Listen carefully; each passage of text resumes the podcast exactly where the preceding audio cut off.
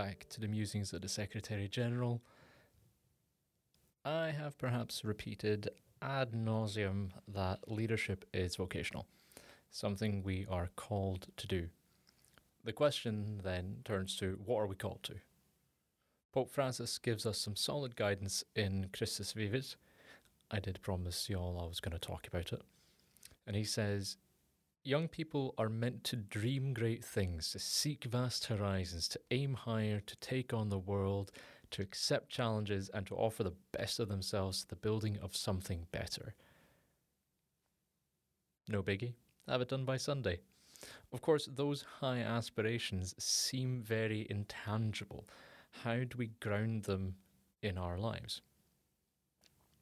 This summer, a group of pilgrims from Inukko scaled Snøhetta, a mountain with an elevation of 2,286 metres above sea level, or 7,500 feet if you're imperial, to celebrate Mass. Now, staying overnight at the foot of the mountain, it was impossible not to be overawed by the grandeur of the peaks before us. And then, during Mass at the summit, we heard thunder rolling all around us, yet immediately above us were clear skies. In the face of such tremendousness, how insignificant are we? How then do we dream great things, seek vast horizons, aim higher, and take on the world? What difference can one person make? I don't know. Obviously, I think Christus Vivit has some good advice for us. Though I recommend everyone to read it, I'm obviously not going to stop the episode here if you're listening to this, you're probably hoping I'll be able to give a succinct analysis and summary that'll save you reading the whole document. Joke's on you, when am I ever succinct? First, Christus Vivit isn't simply a post synodal apostolic exhortation of the Holy Father Francis to the young people and to the entire people of God. It is inspired by young people and their place within the people of God. Dig down to paragraph 160 and Pope Francis makes a simple yet powerful statement. He's pretty good at those, let's be honest. Every stage of life is a permanent grace with its own enduring value. Meaning, the older and wiser you get, the more understanding you are capable of showing others. Those permanent graces keep piling up, and you have a greater and greater responsibility to use them well. As we pass through different stages of life, we experience the fullness of grace unique to each stage.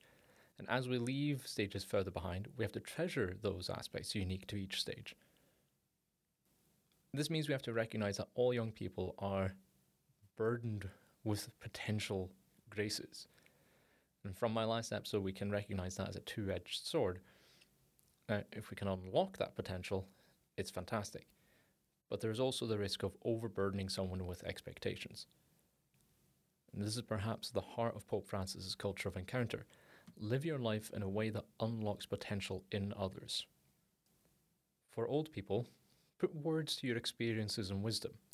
For young people, try to learn from them. For old people, be honest about your joys and fears and achievements and mistakes and recall the trepidation of youth. For young people, take Pope Francis's words in paragraph 142 to 143 to heart and I apologize for the long quote, but it's good. At the same time, we should not be hesitant, afraid to take chances or make mistakes. Avoid the paralysis of the living dead who have no life because they are afraid to take risks, to make mistakes, or to persevere in their commitments. Even if you make mistakes, you can always get up and start over, for no one has the right to rob you of hope. Dear young people, make the most of these years of your youth. Don't observe life from a balcony. Don't confuse happiness with an armchair or live your life behind a screen. Whatever you do, do not become the sorry sight of an abandoned vehicle. Don't be parked cars, but dream freely and make good decisions. Take risks, even if it means making mistakes. Don't go through life anesthetized or approach the world like a tourist. Make a ruckus. Cast out the fears that paralyze you so that you don't become young mummies. Live. Give yourself over to the best of life. Open the door of cage. Go out and fly. Please don't take early retirement. quite a powerful quote. And what does this mean? Uh, well, about our youth.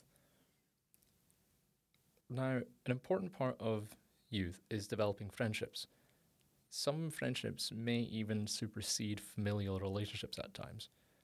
As Pope Francis writes in paragraph 152, friendship is no fleeting or temporary relationship, but one that is stable, firm, and faithful and matures with the passage of time. Friends may be quite different from one another, but they always have things in common that draw them closer in mutual openness and trust. In translating this episode into Norwegian, I stumbled across a quote from Ibsen. And since I'm in Norway, I should try to include the occasional Norwegian literary reference that captures this sentiment.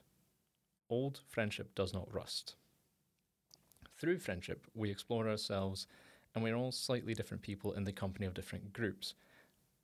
I may swear more amongst my Scotch friends, or sing more in the company of others. And here we touch on the issue of group dynamics. Pope Francis is rather concerned with homogeneity amongst young people.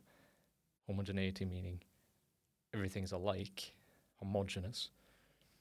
And he quotes Blessed Carlo Acutis and said, Everyone is born as an original, but many people end up dying as photocopies.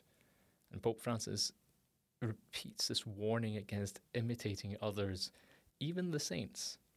And he writes, but I would remind you that you won't become holy and find fulfillment by copying others. Imitating the saints does not mean copying their lifestyle and their way of living holiness. There are some testimonies that may prove helpful and inspiring, but that we are not meant to copy, for that could even lead us astray from the one specific path that the Lord has in mind for us. You have to discover who you are and develop your own way of being holy, whatever others may say or think. Becoming a saint means becoming more fully yourself, becoming what the Lord wished to dream and create, and not a photocopy. Your life ought to be a prophetic stimulus to others and leave a mark on this world, the unique mark that only you can leave. Whereas if you simply copy someone else, you will deprive this earth and heaven too of something that no one else can offer. This is hardly a full analysis of Christus Vivit, in all honesty, I've barely scratched the surface. Let's repeat the questions from the introduction. What are we called to? And how do we ground high flying aspirations and expectations in our lives? The answer is frustratingly simple. Frustrating because it's so obvious, yet so impossible. Don't be afraid to be yourself and try to bring out the best in others. This is not the end of the analysis or chatting about Christus Vivit, but it's a start. And we'll get back to it later. Thanks for listening.